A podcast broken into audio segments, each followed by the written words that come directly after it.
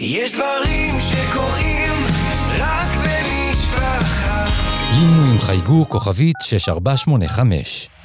אתם מאזינים למשפחה פודקאסט. לא תשכח. הרב ישראל גולדווסר מספר את סיפורה של שואת העם היהודי. לפני תקופה ארוכה, כשהתחלנו את הפודקאסט הזה, הוא התחיל בשני פרקים שעשיתי יחד עם ראי וידידי, הרב יונתן אליצור.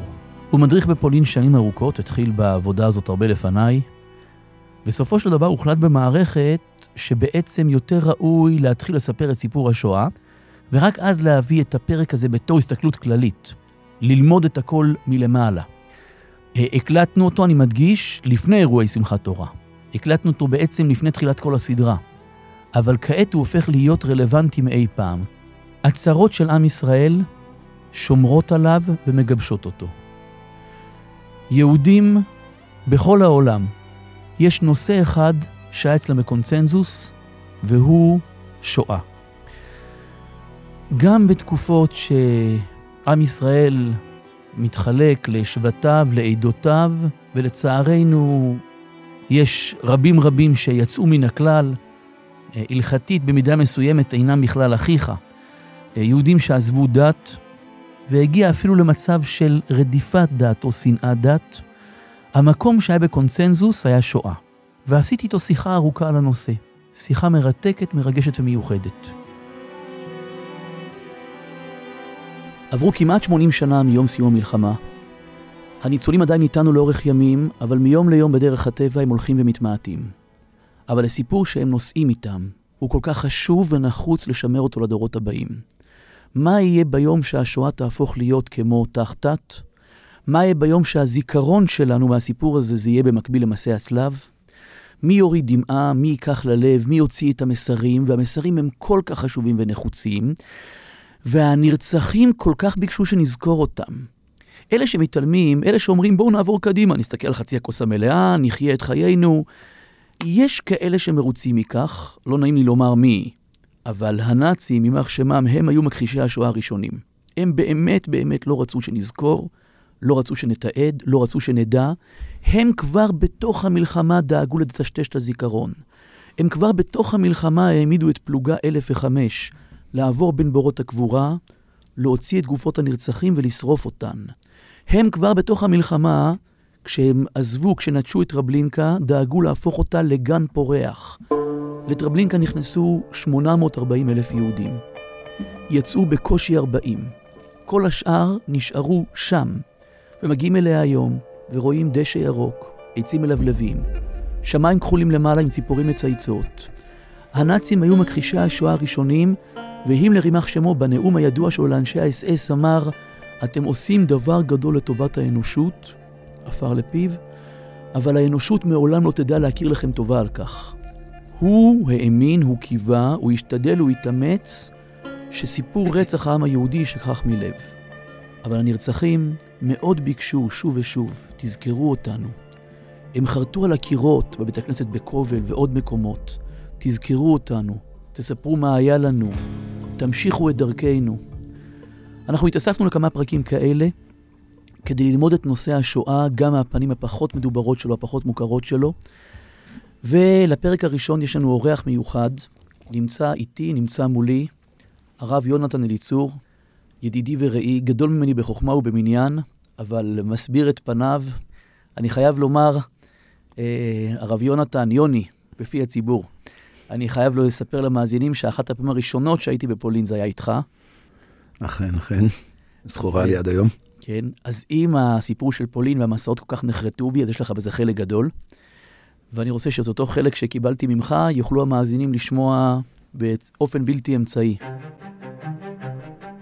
אנחנו מתחילים בעצם מהסוף. יש לנו סדרת פרקים על השואה, ואני מתחיל איך היא מתקבלת בעיני המתבונן היום. אנשים נוסעים בלי סוף. המסעות רווחים. אני מכיר בעיקר את המסעות של הציבור החרדי, אתה מכיר את המסעות מכל מיני פנים, כמרצה ותיק בערכים, בנפש יהודי, בהידברות, אתה מכיר את הנסיעות של הסטודנטים הלא דתיים בכלל, שמגיעים איתך, מגיעים בעצם עם רב למסע בפולין. כן, בהחלט. אה, זה רעיון שעלה לפני שנים אה, לא מעטות. אה, אני חושב שבפעם הראשונה ערכנו את זה במסגרת ערכים. אני יכול להגיד את האצבע בדיוק, אני חושב משהו כמו 15 שנה לאחור. שהעלה מישהו רעיון, אם ניתן לו זכות, אני חושב שזה היה דוד לפידות, העלה רעיון שמסע לפולין יכול להיות גם אפילו אמצעי לקירוב.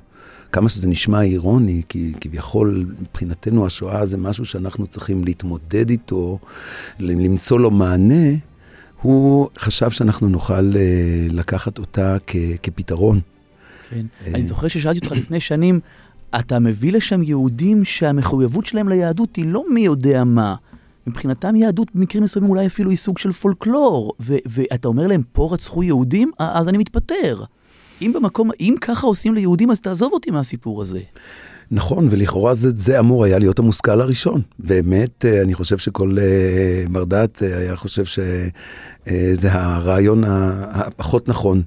אה, להפגיש עם אה, אנשים לא דתיים, על מנת לקרב אותם ליהדות, כי כשאתה רואה את כל מה שקרה שם, אז יכול להיות שלאדם ממרחק, הדבר האחרון שהוא היה חושב זה להתחבר לזהות היהודית שלו, שדם, נערות של דם כה רב נשפכו עבורה.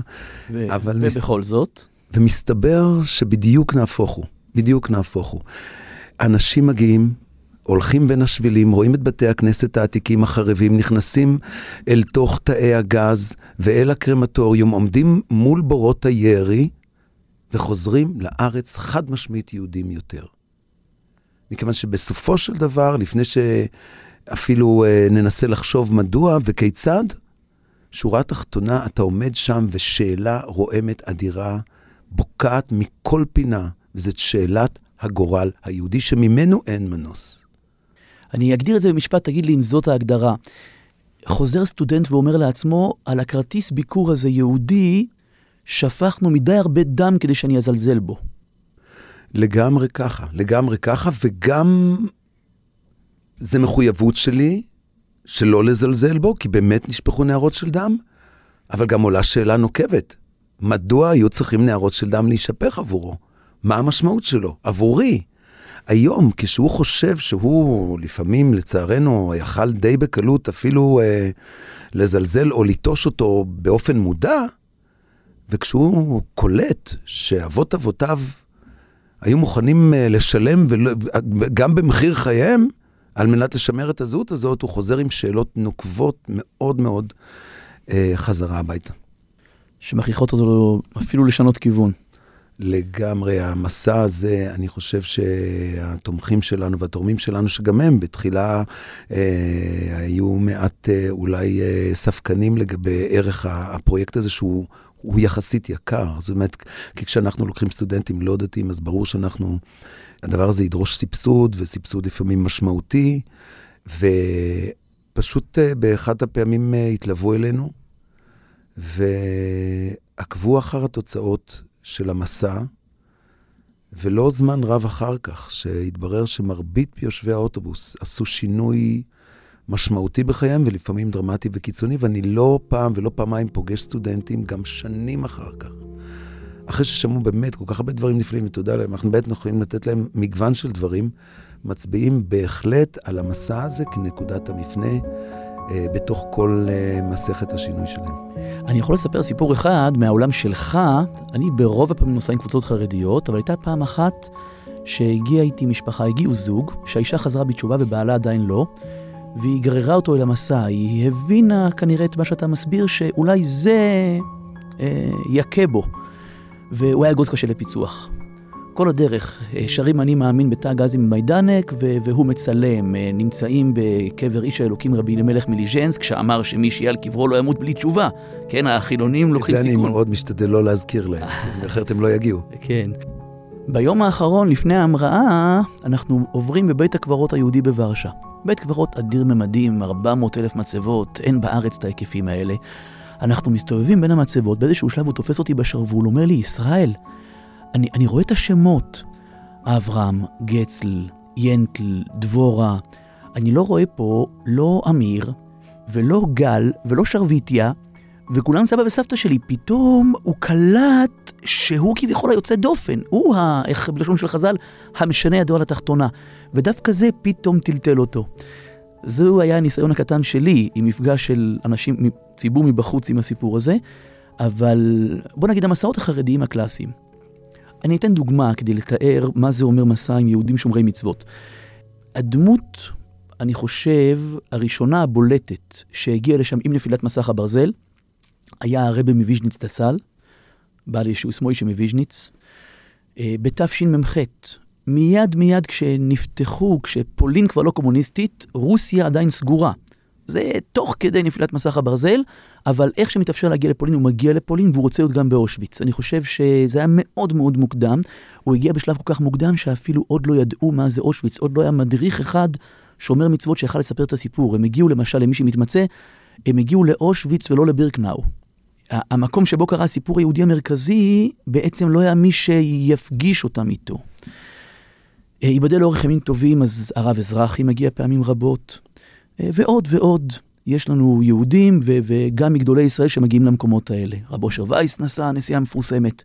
והייתה פעם אחת שנסעתי עם קבוצה אדישה. איך אני אסביר? זה אולי אבסורד שיכול לקרות דווקא בחברה החרדית. יש מצב שיהיו אנשים שלא יבואו למסע שואה. הם נוסעים, קבוצה של תורמים שלוקחים אותם בתור דינר, לוקחים אותם לשבת לקרקוב. והמארגנים משום מה חשבו שחלק מהפרס לתורמים יהיה ביום חמישי אושוויץ עם גולדווסר. וזאת הייתה גם קהילה שהרבה דורות אחורה הם לא קשורים לעניין. ואנשים שואלים אותי, נוסעים לאושוויץ, הם, יש שם בכניסה מקום לקנות דברים לילדים? אחד אומר אני מאוד מאוד עייף, אני אוכל לישון באוטובוס, אחרי זה כשאני אקום אני אמצא אתכם. בקיצור, הוציאו לי את המיץ. והגענו, הגענו אל המזבח הגדול, עמדנו על הקרימטוריום, וראיתי את האדישות בעיניים, וזה מאוד מאוד שיגע אותי. עכשיו, לא מרוע, מחוסר הבנה של העניין, יהודים כשרים ויראים וצדיקים ממני. אבל הסיפור הזה לא, לא דיבר אליהם, הם לא הבינו מה הם קשורים אליו. שאלתי אותם, מי הראשון שהם יודעים שהגיע לבקר באושוויץ? אז אחד אמר ישוס מוישה מוויז'ניץ, אחד אמר הרב אזרחי, אחד אמר שמעון פרס, אמרו לי כל מיני דמויות. אמרתי להם שיש אחד שהגיע קודם. כשעם ישראל נוסד, הקדוש ברוך הוא שואל את אברהם אבינו, תגיד, מה אתה בוחר לבנים שלך? אותך אני מאוד אוהב ואני רוצה שיקום עם ממך, מה אתה בוחר בשבילם? גיהנום או גלויות? אתה רוצה בשבילם שבעולם הזה הכל יהיה פנטסטי, מקסים, נהדר, כסף, בארות נפט של סעודיה, יהיו בכיכר השבת. האלפים יהיו בהרי ירושלים. הכל יהיה מקסים ונהדר, ו- ובעולם הבא ישבו רחוק. אמר אברהם אבינו לא רוצה. אני בוחר גלויות. כדי שבעולם הבא נשב קרוב, בעולם הזה יהיו התמודדויות. והקדוש ברוך הוא מראה לו את כל הסדר. אימה, חשיכה גדולה נופלת עליו, הוא מראה לו את גלות בבל. את גלות מדי, את גלות יוון, את גלות רומי. הוא מראה לו את מסע הצלב, מראה לו את הגירושים, מראה לו את העלילות דם, הוא מראה לו את הכל, ואברהם אבינו איש החסד, וזה כואב לו. והוא הביא אותו לכאן, ואני מאמין בזה באמונה שלמה. אברהם אבינו עמד ליד הקרימטוריום, וראה בעיני רוחו מיליון ורבע מצאצאיו צועקים שמע ישראל, ואמר, ריבונו של עולם, כן, את זה אני בוחר. אם זאת הדרך לעולם הבא, אם העולם הזה הוא עולם של התמודדות לקראת עולם נצחי, אני חותם על העסקה. בוא נגיד, זה היה השלב שאנשים פתאום קלטו למה הסיפור הוא סיפור שנוגע לכל אחד. אבל את הגישה הזאת היא גישה מאוד מאוד אחרת כנראה מהגישה שאפשר להציג את השואה לקהל בחוץ. תראה, אני לא משוכנע, אני חושב שאני די משתדל להשתמש כמעט, אפשר לומר במדויק, באותם התכנים שאני מגיע עם, אה, עם הבני נוער החרדיים או קהל דתי, גם עם הסטודנטים, רק הטרמינולוגיה לפעמים היא קצת שונה, אבל בסופו של דבר המסר הוא אותו מסר. אני חושב שאחד הרעיונות שמלווים אותי שם, ואולי הכוח המניע בשבילי, להביא לשם פעם אחר פעם אנשים, ואני מניח שכמו לך, גם לי זה לא קל להיכנס לתוך הסיפור הזה, אם אתה רוצה להיות למען האנשים בצורה נכונה, להיות ממש בתוכו ולחוות את זה כל פעם מחדש. אני חושב שאחד הרעיונות שבאמת מניעים אותי, זה רעיון ששמעתי ממוירי ורבי ומשה שפירא זצ"ל, לפני שנים, ואני אני, אני ממש מרגיש שאני כאילו נוגע בו כמעט שם. שכתוב בתהילים, וישא ידו להפיל אותם בגויים ולזרותם בארצות, שהקדוש ברוך הוא נשבע לעם ישראל שהוא יגלה אותם. וישא ידו להם. אומר החכם צבי, איפה דוד המלך מצא את זה שהוא נשבע? איפה הוא נשבע? איפה שמענו שהוא נשבע? אומר, השבועה היחידה שאני מכיר, זה אולם חי אני נאום השם, וימלא כבודי את כל הארץ אחרי המרגלים. שהקדוש ברוך הוא אמר, אני רציתי לעשות, רציתי להביא קידוש השם מהעם היהודי לכל האנושות כולה, בארץ ישראל, בבית המקדש, בירושלים, והיה נכון נער בית השם בראש כל הערות נישא מגבעות ונערו עליו כל הגויים. אתם בכיתם בחייה של חינם, בירושלים זה לא יהיה?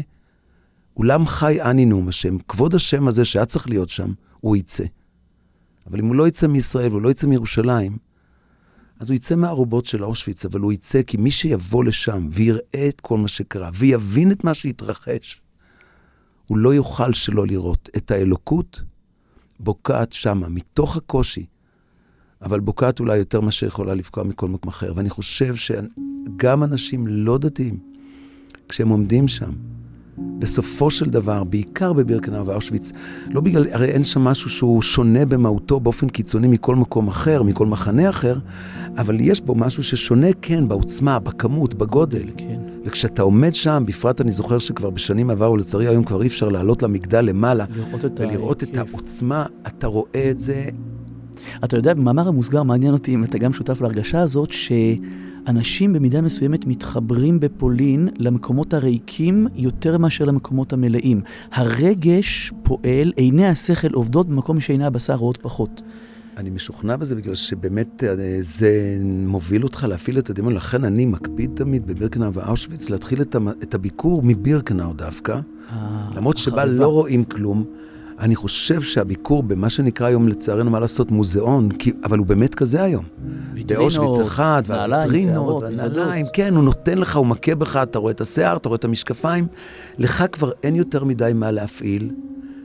בזמן שהסיפור היהודי בעיקרו היה שם שבא, אין כלום, ו- ולפעמים אנשים, אתה יודע, באים בלי, בלי הדרכה, ובאמת לא מוצאים בה שום דבר, אבל בתוך השום דבר הזה, לדעתי אה, אפשר באמת למצוא את הכל בס- בסיפור שעולה מתחת לפני הקרקע. אז ההגיונות העמוקים האלה שאתה אומר כאן, רב מוישה שפירא יורד אל הסטודנט שמגיע ל... לגמרי. אני חושב, אני לא בהכרח אגיד לו, אתה יודע, את, עם, הטרמינולוגיה ועם הפסוק ועם החכם צבי, זה פחות יעניין אותו מי בדיוק אמר את זה, אבל זה יהיה הרעיון שילווה אותי. אני, המ- המטרה העליונה שלי זה להביא אותם לשם ולחזור עם תחושת אלוקים חיים. מתוך המקום הזה דווקא. אולי נעבור, ננסה לעבור לסיפורים, כי אני חושב שזה עמוק, ואני לא יודע אם המאזינים יאמינו לנו בכלל, שיכול מישהו שמכירים אותו ביום-יום, אתה יודע, מהכביש, מהעבודה, ורחוק, רחוק מתורה ומצוות, ואז להבין שעם ישראל הוא עם של נצח, שלוקח על עצמו עול של גלות וסבל והתמודדות, ועולם הזה עולם עובר. הרי בראש של מי שחתם הוראת קבע בעולם הזה, אז אנחנו פה בשביל פה, ואתה מספר שסובלים פה בשביל משהו גדול יותר, זה רעיון מאוד מאוד גדול עליו. איך זה עובד? כן, תראה, אה, והשטח, מעבר לפילוסופיה. אני חושב שהנקודה הזאת היא נקודה מאוד מרכזית, שאני בעצם אה, מניח אותה כבר כאיזה נקודת מוצא עוד אפילו לפני שנסענו לפולין. ומשתמש המון גם בעבודות של אה, הפסיכיאטר היהודי הנודע ויקטור פרנקל, אה, שבעצמו ניצול מחנה השמדה, ושם התחיל להרגיש בתחושה הזאת שבסופו של דבר הכמיהה של אדם למשמעות ולמענה לשאלות הקיום שלו, היא יותר בעצם אה, חזקה עבורו מכל אה, צורך אה, קיומי אחר. ו- ופרנקל הגדיר את זה אבל בהגדרה מאוד מעשית. הוא אומר, ראיתי שאנשים הרימו ידיים, אנשים התייאשו מהחיים. חוץ מאלה שיש להם מעיין של אמונה, הם יודעים שיש מטרה ויש תכלית ויש מנהיג ויש להם, מישהו עשה את זה. הם ממשיכים להתמודד, ממשיכים להתמודד בשביל להשיג מניין ובשביל לנסות לשמוע שופר ולהניח תפילין. יש להם בשביל מה לחיות. את הגוף אפשר לכלוא, הנשמה פורצת מעבר לגדרות התיל. חד משמעית, ואת הנקודה הזאת אני מניח כבר כאן בארץ כשאלה, בהבנה הזאת של הצורך במשמעות, שהוא צורך אוניברסלי, אין אדם, יהיה לא דתי ככל שיש, שלא מבין את זה, מרגיש את זה בכל מאודו, וחסר את זה, כי, לה- כי בסופו של דבר אין לו. וכשהוא מגיע אחר כך לתוך המסע עצמו, והוא מגלה כמה עומק, כמה תעוזות רוח, כמה, כמה עוצמה נפשית הייתה ליהודים המאמינים שם, בתוך הצריפים, בין השבילים, במחנות, בבורות הירי. הוא לא יכול שלא להרגיש את עומק המשמעות שהאמונה והחיבור לאלוקות נותן לו, לא רק גם שם, אלא אולי שם יותר מאשר מכל מקום אחר. וואה. דיברנו על המקומות הריקים. אחד המקומות שאני מניח שגם אצלך הוא משיאי המסע זה יער זלביטובסקה גורה. אני לא יודע אם אפילו לקרוא לו בשם שהמדריכים אוהבים לקרוא לו, כי זה עצוב, זה קשה, יער הילדים. קבר של מאות ילדים מפלשוב שנטמנו שם ביום אחד. הסיפור הוא עצוב, אני חושב שמי שלא, מי שנענש להיות שם נמצא שם, מי ששומע אותנו בפודקאסט אולי אה, אה, תוך כדי שטיפת כלים או ריצת בוקר לא נעניש אותו בסיפור, אבל המקום הוא לא קל. כשאני מגיע עם קבוצה של יהודים מרעים ושלמים, אני יודע מה לספר להם. אני יודע לספר להם על הילדים האלה, שהדבר שליווה אותם לכל מקום, הדבר שליווה אותם גם בזמני קושי, גם ילדים שנלקחו מהבית ועברו אל הגטו ואפילו למחנה. הילדים שנלקחו למנזרים ומגיע אחרי המלחמה הרב הרצוג והרב כהנמן, מגיעים למנזרים למצוא אותם ונעמדים במרכז החדר וקוראים שמע ישראל ומכל הפינות הילדים מוציאים את הראשים ואומרים המלאך הגואל. סיפר לי הרב כהן מירושלים על אימא שלו, ילדה יהודייה הולנדית, שבגיל שנתיים וחצי מפקידים אותה בבית משפחה גויית, חסידי אומות העולם, וההורים נשלחים אל המחנות. והיא גדלה אצלם חמש שנים. המלחמה מסתיימת היא בת שבע וחצי. יש לה הורים הולנדים, יש לה משפחה הולנדית. וההורים האמיתיים שלה אינם. הדודה הביולוגית חזרה, והיא ידעה שיש לה פה אחיינית, והצליחה ליצור קשר, לקשור חבל בחבל נימה ונימה, מצאה את הילדה. לוקחת אותה אל ביתה. מטבעי הגויים תכננו מצידם לגדל אותה, היא מגיעה דודה ביולוגית, באמת ראוי שהיא תעבור לביתה, והדודה מנסה לשכנע את הילדה לקרוא לה אימא. והילדה מסרבת. יש לי אימא וזה לא את.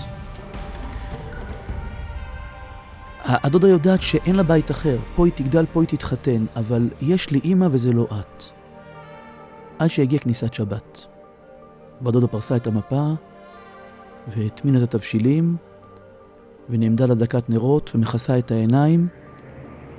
ותוך כדי התפילה עם העיניים המכוסות היא שומעת את צפיפות הרגליים, והילדה נעמדת לידה, וכשהיא מסיימת היא נשאה אל העיניים, ואמרה גידשה בסממה, אמא שבת שלום.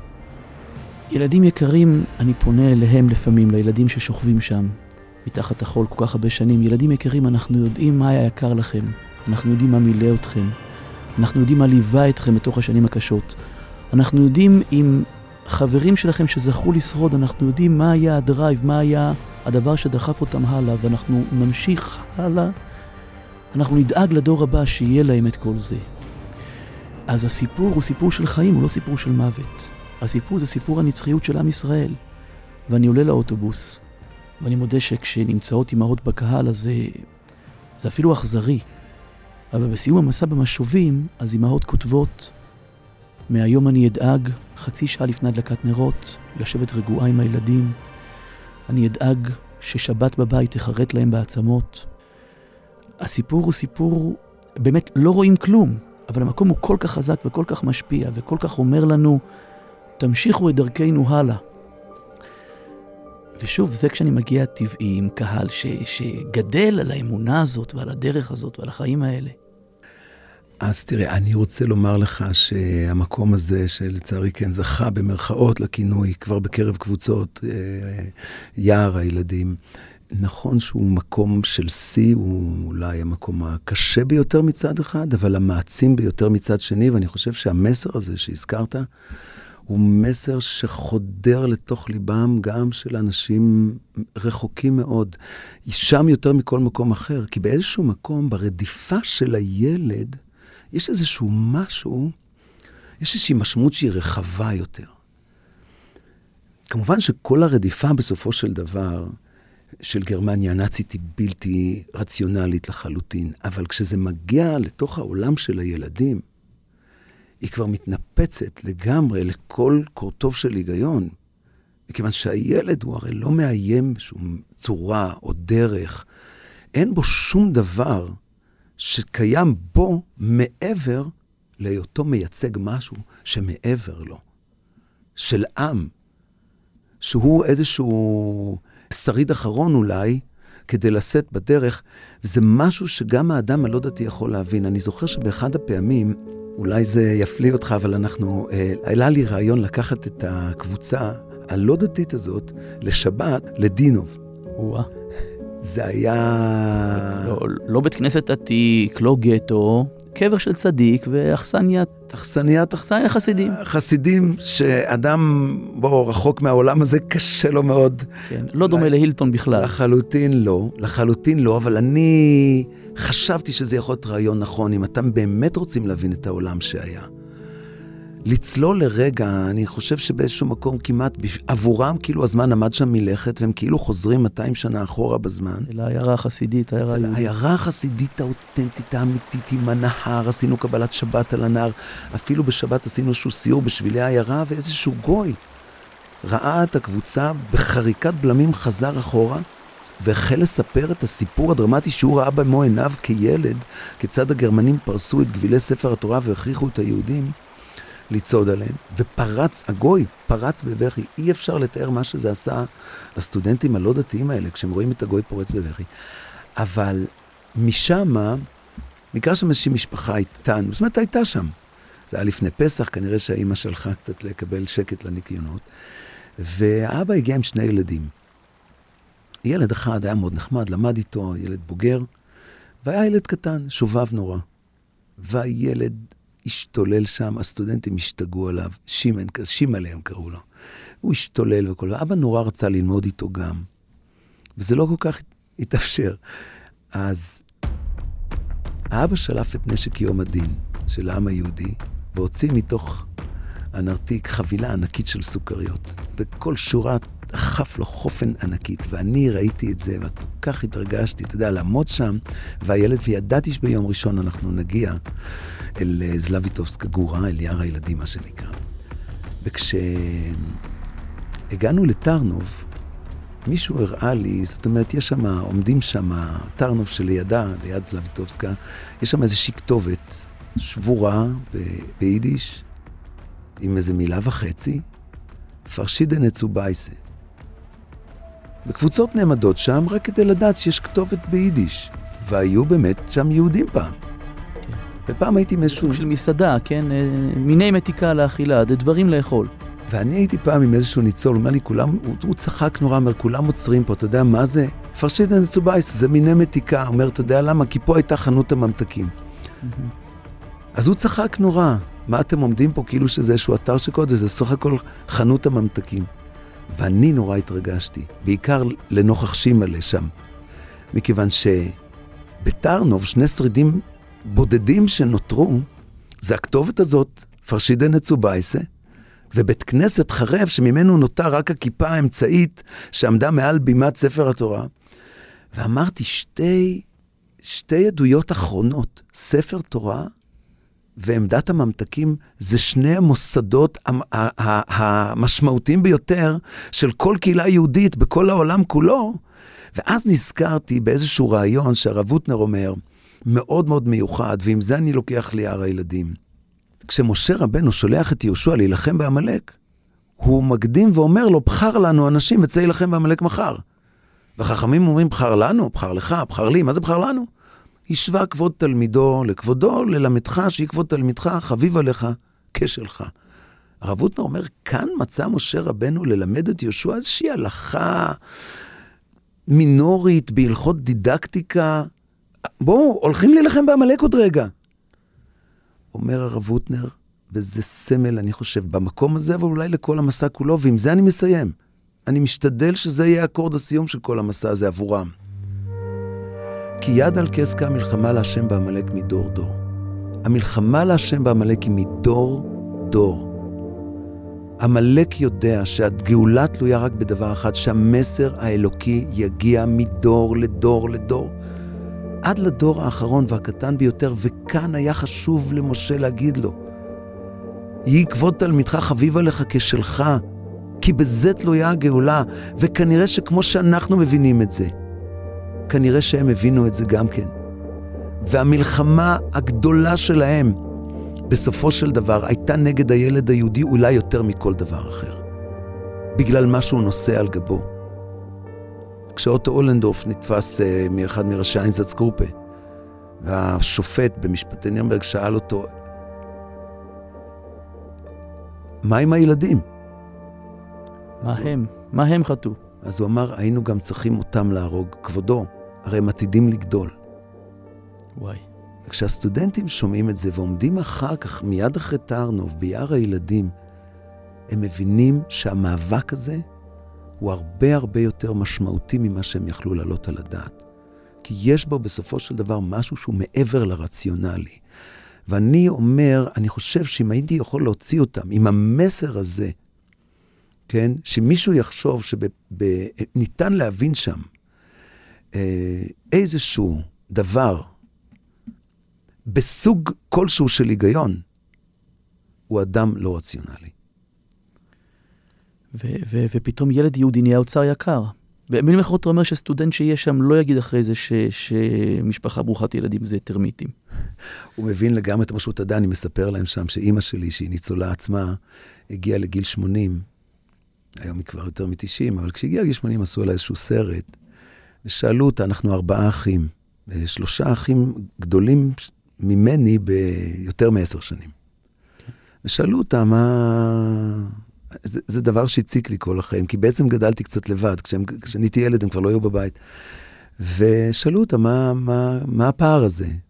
אז היא סיפרה, וזה משהו שאני לא ידעתי, שאחרי המלחמה כבר היה לה מאוד לא פשוט ללדת אחרי כל מה שהיא עברה, ויש לי אח גדול ותאומים אחר כך. כן. וכשהתאומים נולדו, אז הרופא אמר לה שיותר, בשום אופן ופנים היא לא יכולה להיכנס להיריון, אם עוד פעם אחת היא תיכנס להיריון, היא תמות. והיא קיבלה את זה. קיבלה את זה במשך שנים, באופן מובן. אבל כשהיא עברה את גיל 40, והבינה שללדת היא כבר לעולם לא תוכל אם היא לא תלד כרגע, היא אומרת, פתאום נזכרתי, והיא אומרת את זה בסרט, אני ראיתי את זה פעם ראשונה, היא אומרת, פתאום נזכרתי בכל ילדי הכיתה שלי, בילדים מהכפר, הילדים שאיתם שיחקתי, הילדים ששוחחתי, היא אומרת שמהם איש לא שרד, מלבדי. החלטתי ששלושה ילדים זה לא מספיק, אני חייבת להביא עוד ילד לעולם, גם אם אני אצטרך בגלל זה אחר כך למות. וואי. אז אני באיזשהו מקום, כשאני עומד שם, ואני רואה את המקום המדהים הזה שהוא אה, כבר הפך לאיזשהו מנהג, לקשור שם בלונים ו- ו- וצעצועים, וכשאני מגיע ואתה רואה בתוך היער ובתוך הזוועה את התמונות של הילדים ואת אה, חפצי הזיכרון האלה, ואני נזכר במשפט הזה, אני באיזשהו מקום מרגיש שאני כאילו נמצא כאן בזכותם, וחייב להם דבר מה. ואת זה אני מנסה להסביר גם לבני הנוער שאני מגיע איתם, הדתיים, וגם לסטודנטים הלא דתיים. ואני חושב שאי אפשר שלא להבין את זה שם. בשפה מאוד מאוד עמוקה, אבל לך תדע איך אתה פותח לי שערים חדשים.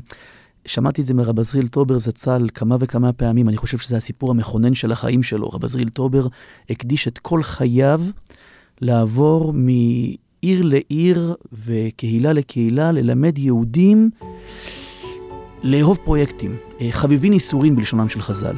הוא הרי לא היה שבת אחת בבית, הוא היה נמצא בביתו רק בשבת הגדול, וכל שבת הוא מסתובב בקהילה יהודית אחרת בעולם. ומדבר על ה... היו באים אליו כל איש צר ומצוק, אנשים שלא עלינו שכלו ילדים, אה, אה, רווקים מבוגרים, אה, אלמנות ויתומים, כל סוג, פושטי רגל, כל סוגי ההתמודדות התאספו אליו, כי קיבלו ממנו מלא מלא כוח.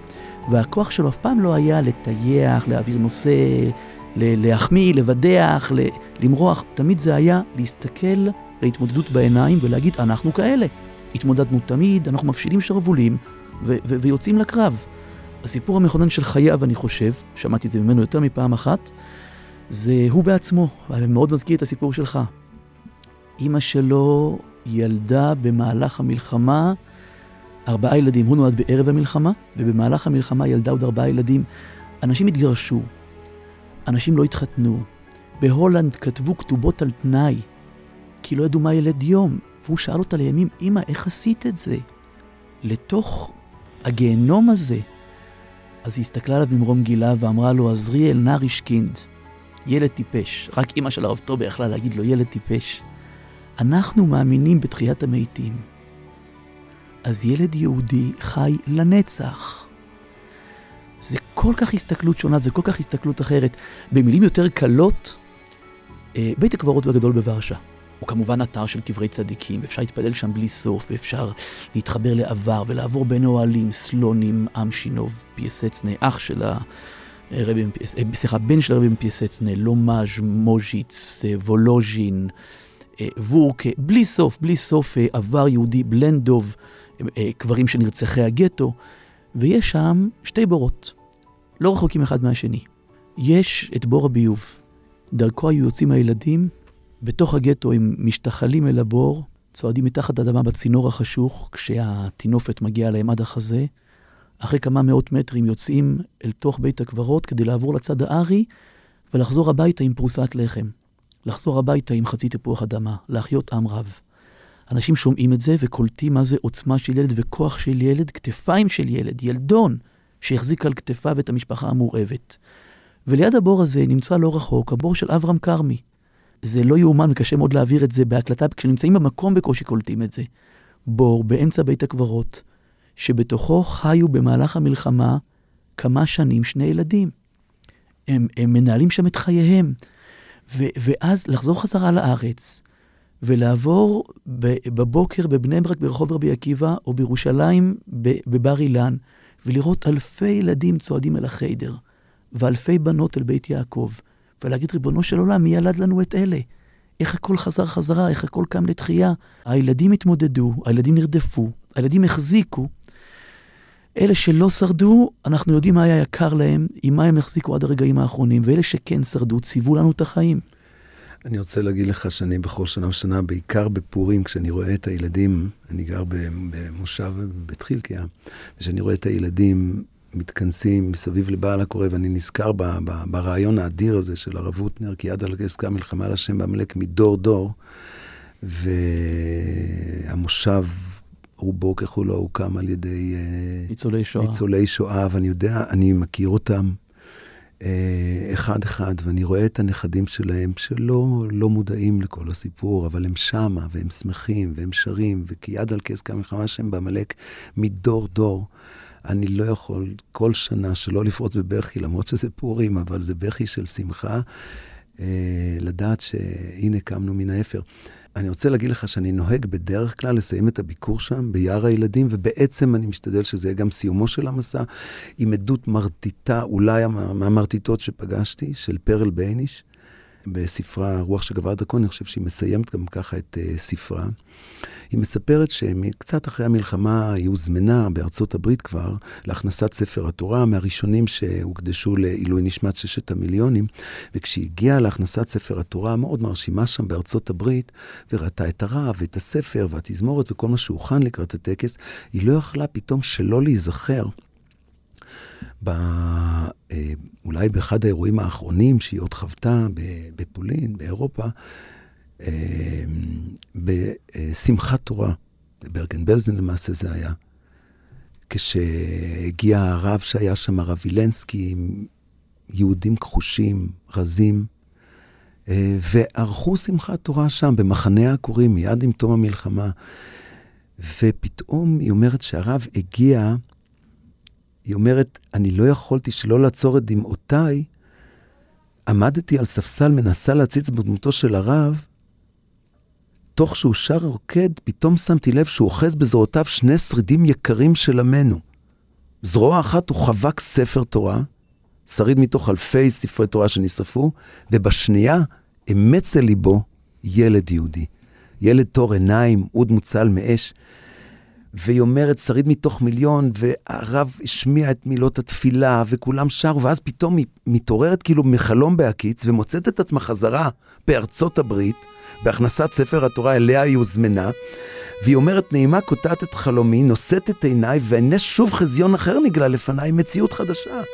מגלמת אושר אין קץ, מאות ילדים יהודים, בעקבות תהלוכה של כלולות, נושאים בידיהם לפידים בוערים, באהבה והתלהבות, הם רוקדים ושרים, מובילים את התורה אל ארון הקודש, ומולם עשרות בחורים צעירים, נושאים בידיהם ספרי תורה, את פניהם מקבלים הרב והספר, היא אומרת, דמעותיי קולחות ללא מעצור, אבל הפעם זה לא דמעות של שמחה, לא דמעות של יגודן, אלא דמעות של אושר.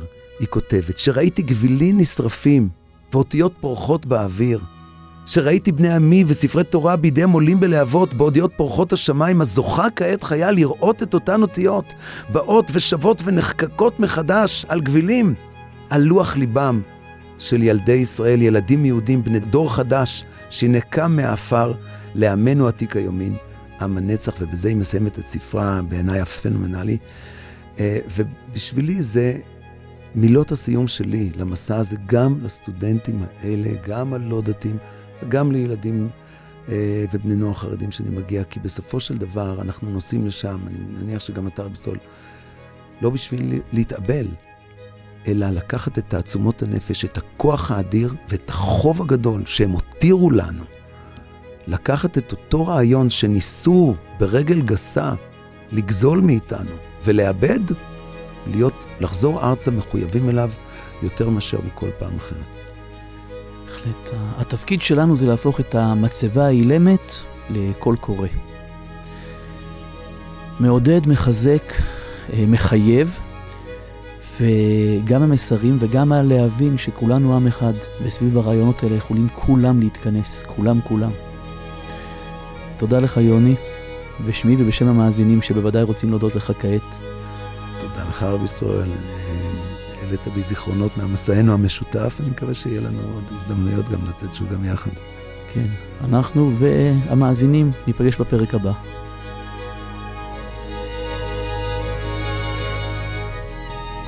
האזנתם ל"לא תשכח" מבית משפחה פודקאסט.